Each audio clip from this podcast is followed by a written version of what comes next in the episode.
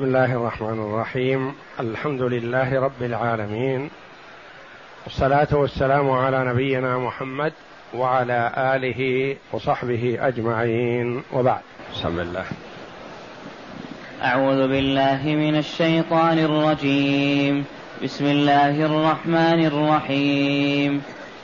إن الذين كفروا بآياتنا سوف نصليهم نارا كلما نضجت جلودهم بدلناهم جلودا غيرها ليذوقوا العذاب إن الله كان عزيزا حكيما والذين آمنوا وعملوا الصالحات سندخلهم جنات تجري من تحتها الأنهار خالدين فيها أبدا لهم فيها أزواج مطهرة وندخلهم ظلا ظليلا. هاتان الآيتان الكريمتان من سورة النساء. جاءتا بعد قوله جل وعلا أم يحسدون الناس على ما آتاهم الله من فضله فقد آتينا آل إبراهيم الكتاب والحكمة وآتيناهم ملكا عظيما فمنهم من آمن به ومنهم من صد عنه وكفى بجهنم سعيرا. إن الذين كفروا بآياتنا سوف نصليهم نارا. لما ذكر جل وعلا بعض صفات اليهود القبيحة المذمومة في قوله تعالى أم لهم نصيب من الملك فإذا لا يؤتون الناس نقيرا الجهل والبخل أم يحسدون الناس على ما آتاهم الله من فضله الحسد بين جل وعلا بعد هذا عقوبة من كفر بآيات الله. من اليهود والنصارى والمشركين وسائر الطوائف الكافرة بالله وبرسله. فقال تعالى والذين كفروا بآياتنا وآيات الله جل وعلا تطلق على ما تكلم الله جل وعلا به من القرآن والتوراة والإنجيل والزبور وتطلق على آيات الله الدالة على وحدانيته سبحانه وعلى اتصافه بصفات الكمال. وتنزهه جل وعلا عن صفات النقص والعيب. فمن آياته القرآن والتوراة والإنجيل والزبور ومن آياته الليل والنهار والشمس والقمر فهي علامات دالة على كمال قدرة الله جل وعلا وعلى وحدانيته سبحانه. إن الذين كفروا بآياتنا سوف نصليهم. سوف تأتي للوعيد. ومثلها السين سنصليهم. سوف نصليهم نارا. والصلي نوع من الإحراق يعم جميع الجسد. إذا قال قيل صلى الدجاجة يعني قلبها على النار من جميع جهاتها.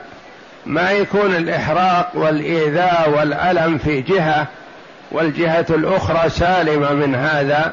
لا بل العذاب لجميع أجزاء البدن. سوف نصليهم نارا والنار منكرة هنا لتعظيمها وتهويلها وأنها نار عظيمة شديدة الإحراق. كلما نضجت جلودهم بدلناهم جلودا غيرها.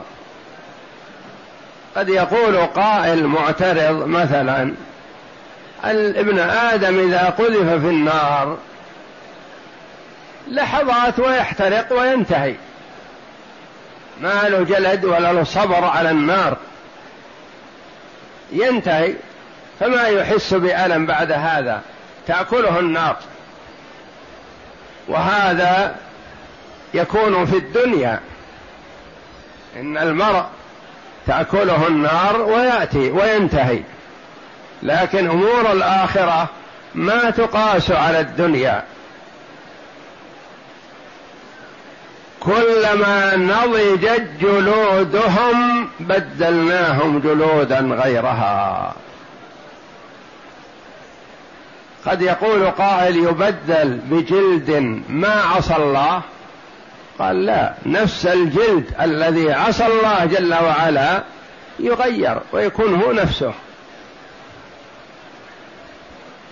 ويبدل جلده في اليوم وفي الساعة مرات كثيرة.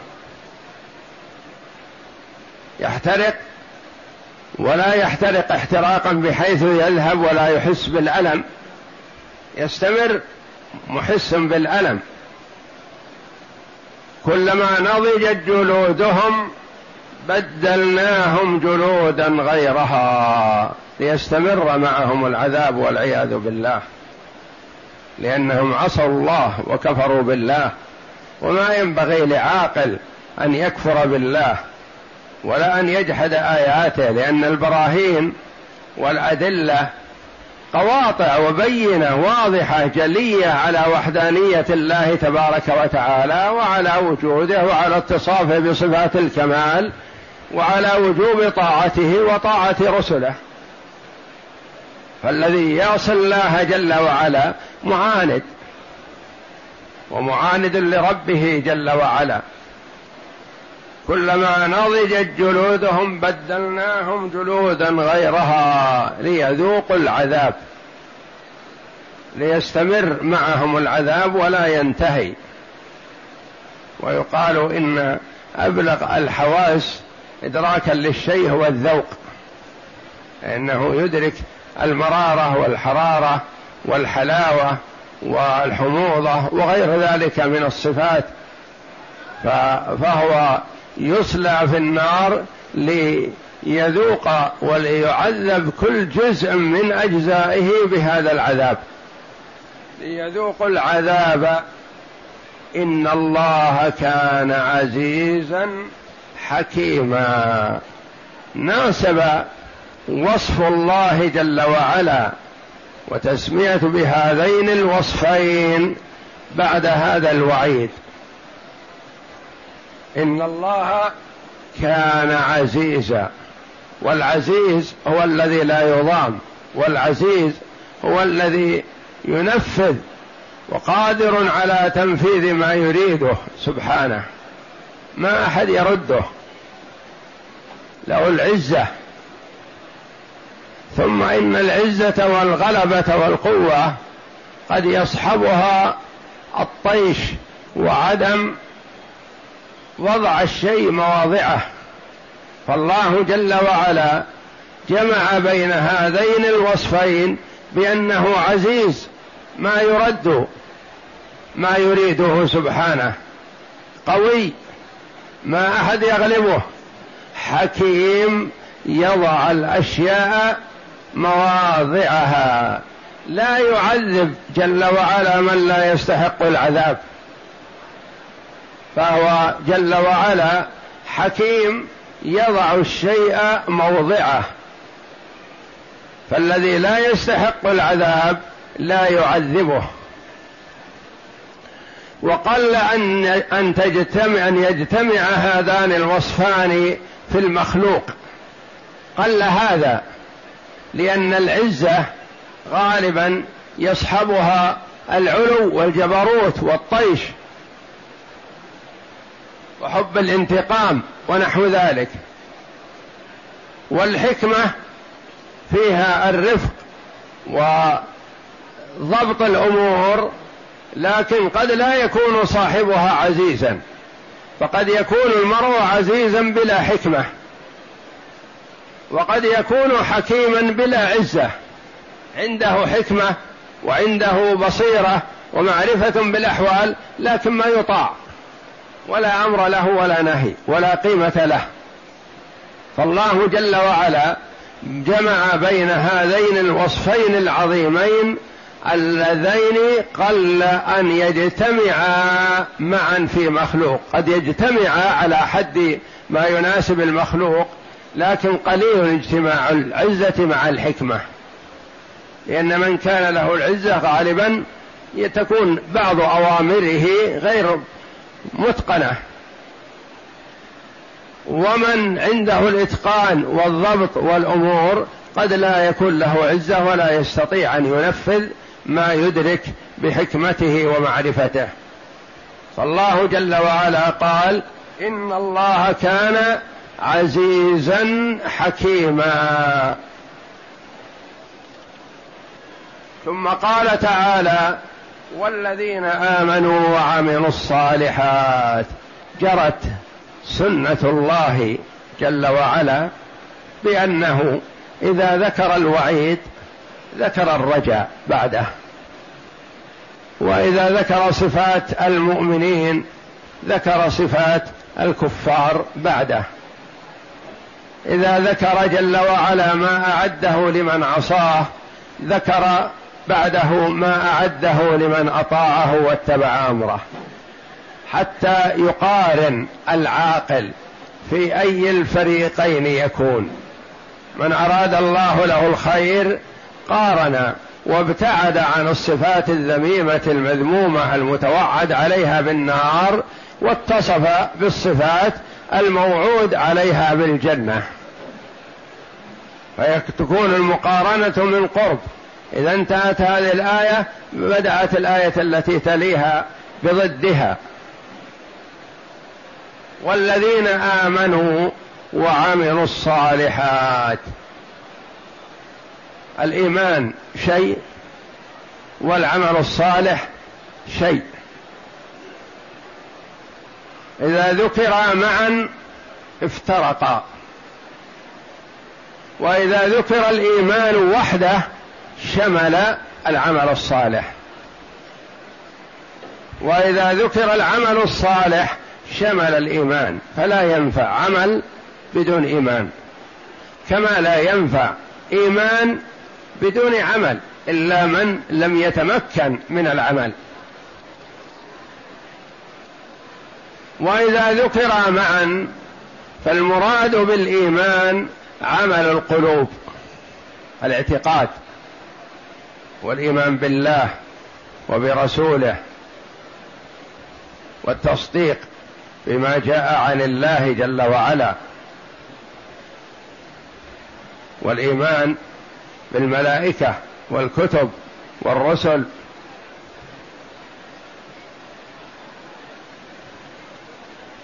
والمراد بالعمل الصالح عمل الجوارح الصلاة والصيام والزكاة والحج وبر الوالدين وصلة الأرحام والإحسان إلى الفقراء والمساكين وغير ذلك من الأعمال الصالحة. اذا فإذا ذكر الإيمان وحده فهو معه العمل الصالح. وإذا ذكر العمل الصالح فلا يكون صالحا إلا مع الإيمان. وإذا ذكر معا الإيمان والعمل الصالح فالمراد بالإيمان عمل القلوب تصديق القلب ويقينه. والعمل الصالح عمل الجوارح. فقد يجتمع وقد لا يجتمع. المنافق الذي يعمل عنده عمل ظاهره الصلاح لكن ما عنده إيمان.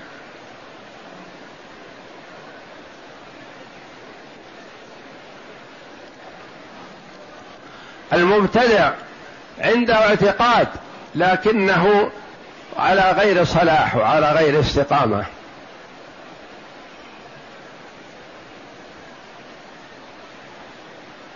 والذين آمنوا صدقوا بالله جل وعلا وبوحدانيته وربوبيته وصفاته سبحانه وتعالى وبملائكته ورسله وكتبه واليوم الآخر يوم القيامة صدق بهذا. وعملوا الصالحات سندخلهم جنات تجري من تحتها الأنهار. وعد كريم. سندخلهم جنات والأصل في الجنة البستان المشتمل على الأشجار العظيمة وسميت البساتين جنة لأنها تستر ما تحتها والجن الستر وسمي الجن جن لأنهم مستترون ما يرون. فالجنة البساتين العظيمة التي تستر ما تحتها. جنات تجري من تحتها الأنهار. أهم ما يكون في البساتين وأحوج ما تكون إليه ماذا؟ الماء. لأنه إذا وجد الماء استمرت الجنة جنة وإلا يبست وتلفت. فذكر جل وعلا ما هي في حاجة إليه. جنات تجري من تحتها الأنهار وليست موجودة فقط مجرد وجود وإنما هي تجري والجريان دليل الكثرة. والأنهار في الجنة كما جاء في كتاب الله وسنة رسوله صلى الله عليه وسلم أربعة أنهار. أنهار من ماء غير آس وأنهار من لبن لم يتغير طعمه وأنهار من خمر لذة للشاربين وأنهار من عسل مصفى. وكل نوع من أنواع الأنهار نفي عنه الآفة التي قد تعترضه في الدنيا.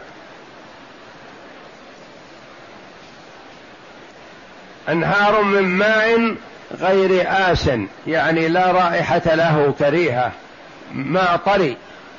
لأن الماء إذا ركد صار له رائحة فيقال هذا ماء آس.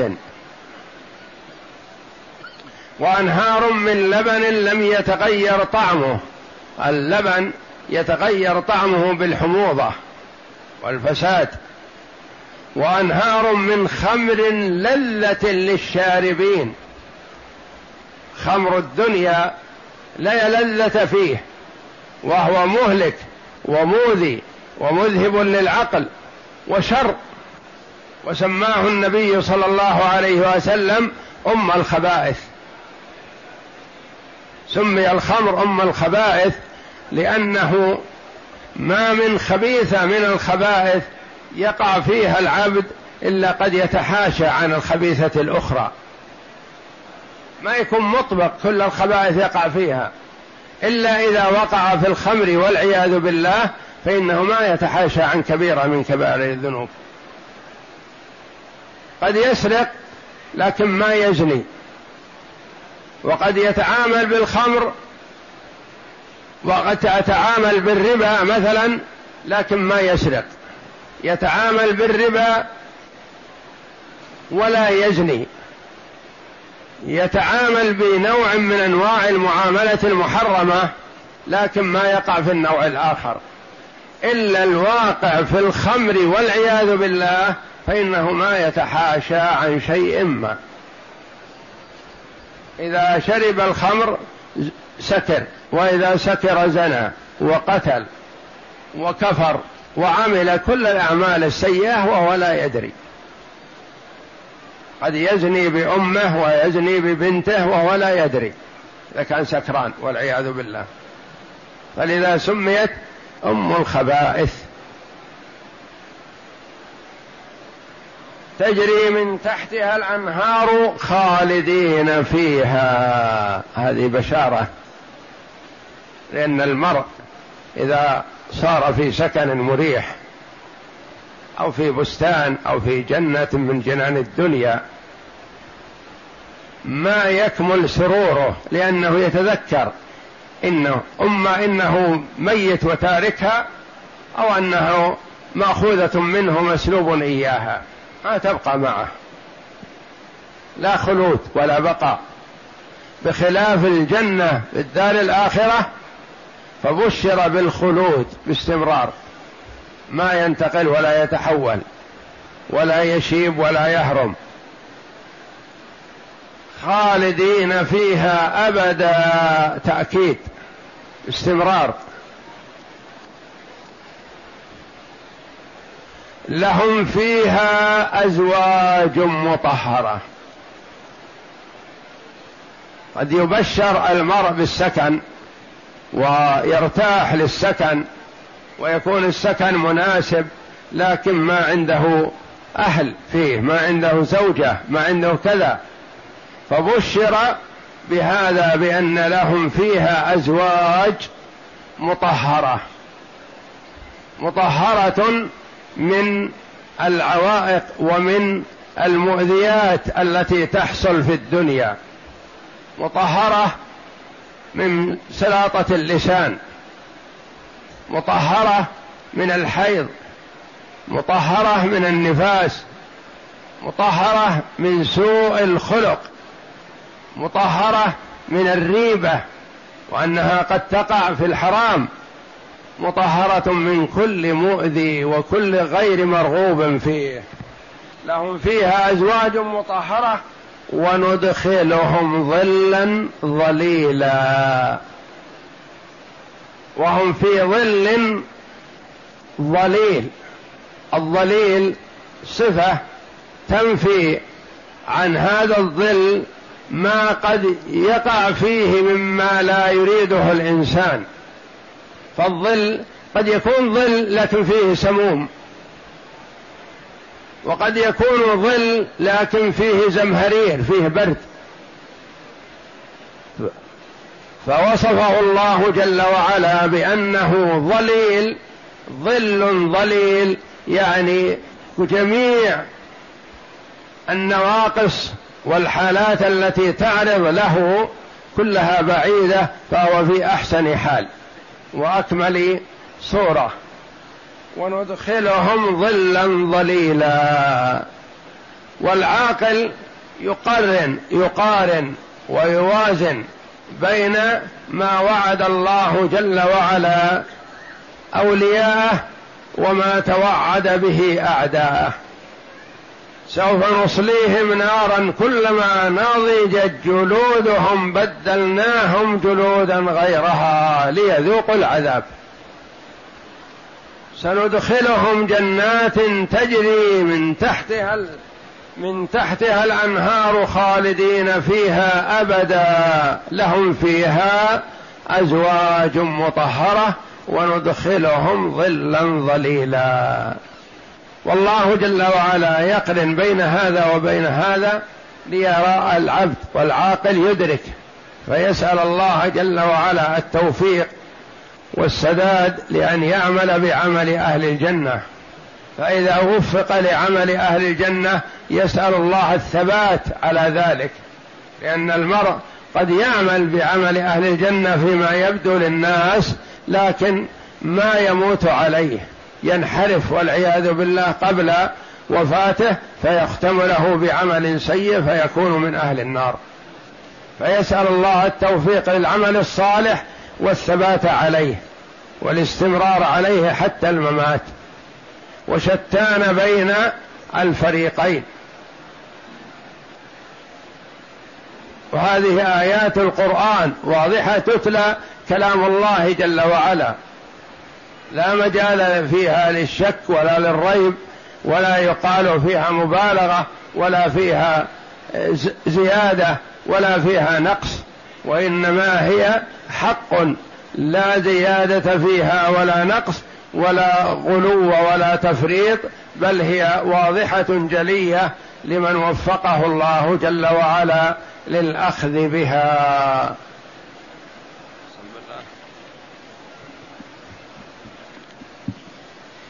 يخبر تعالى عما يعاقب به في نار جهنم من كفر بآياته وصد عن رسله. قال تعالى إن الذين كفروا بآياتنا الآية أي ندخلهم نارا دخولا لا يحيط بجميع أجرامهم وأجزائهم.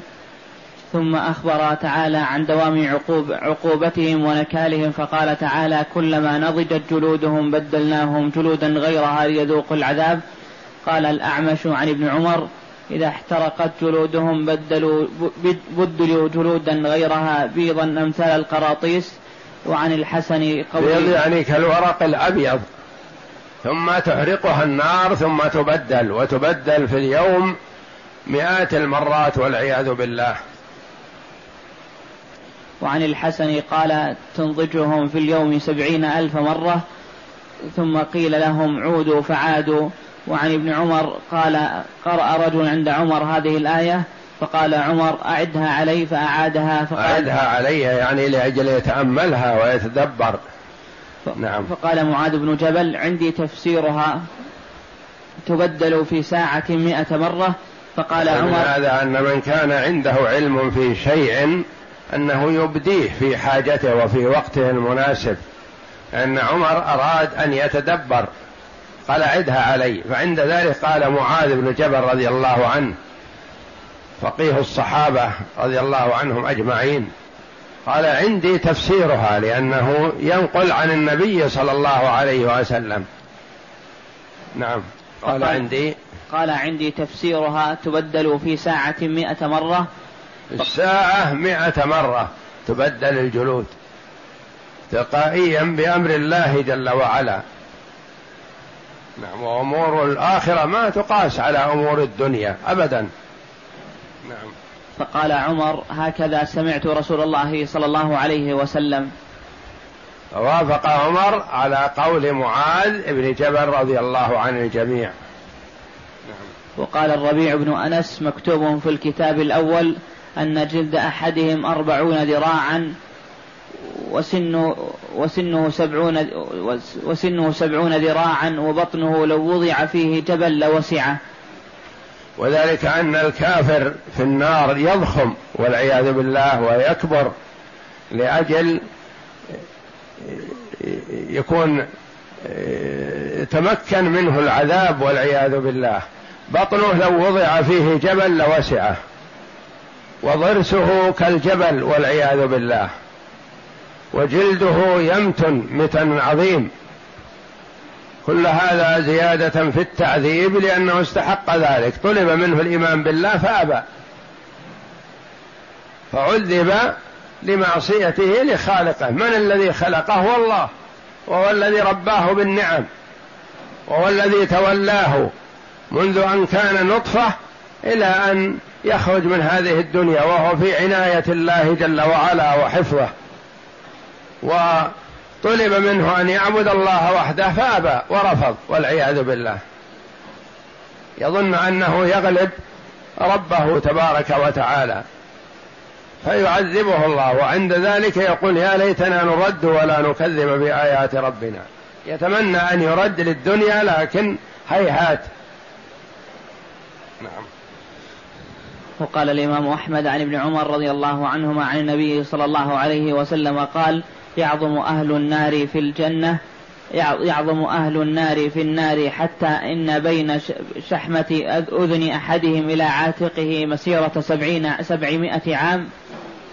وإن غلظ جلده سبعون ذراعا وإن ضرسه مثل أحد. الضرس من أضراسه مثل الجبل والعياذ بالله مثل جبل أحد. جبل أحد جبل عظيم معروف بالمدينة. في شمالي المدينة. نعم. وقوله تعالى والذين آمنوا وعملوا الصالحات سندخلهم جنات تجري من تحتها الأنهار خالدين فيها أبدا.